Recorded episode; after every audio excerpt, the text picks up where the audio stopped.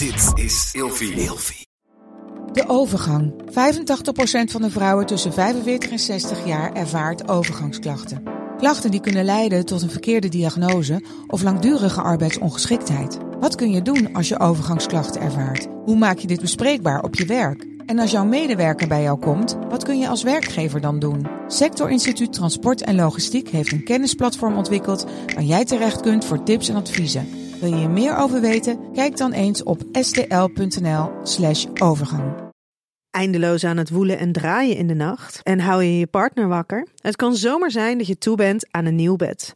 Gelukkig geeft Emma Sleep je nu 10% extra korting met de code RELATIEVRAGEN in hoofdletters. Op bijvoorbeeld de Emma Super Slaapbundel, waar je het bed gratis bij krijgt. Dus ga snel naar emmasleep.nl en bestel jouw bed.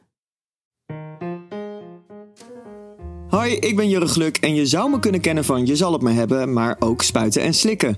Daar heb ik namelijk de seksmobiel en Jurre's date gehad. En vandaag beantwoord ik de volgende vraag. Ik heb het lekkerste seks met mijn partner als ik drugs gebruik samen met hem. Ben ik nu verslaafd aan drugs? Nou, verslaafd is natuurlijk een groot woord. Je bent verslaafd aan drugs wanneer je het in je dagelijks leven gebruikt en wanneer het andere dingen in de weg zit.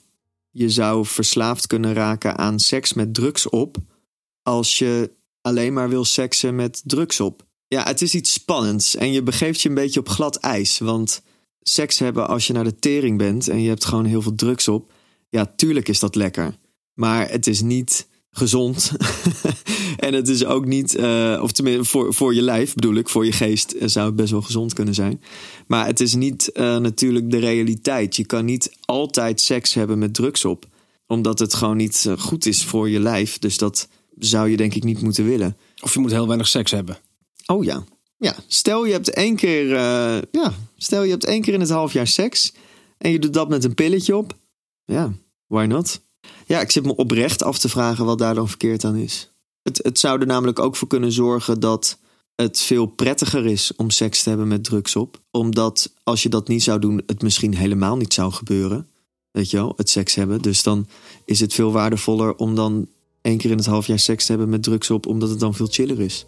Ja, dus ook hierbij, alles waar je te voor zet is niet goed. Maar ja, wees, wees daar dus uh, kritisch op bij jezelf. Als je dit niet heel vaak doet en het is gewoon zoveel leuker. Ja, ga er dan gewoon uh, veilig mee om.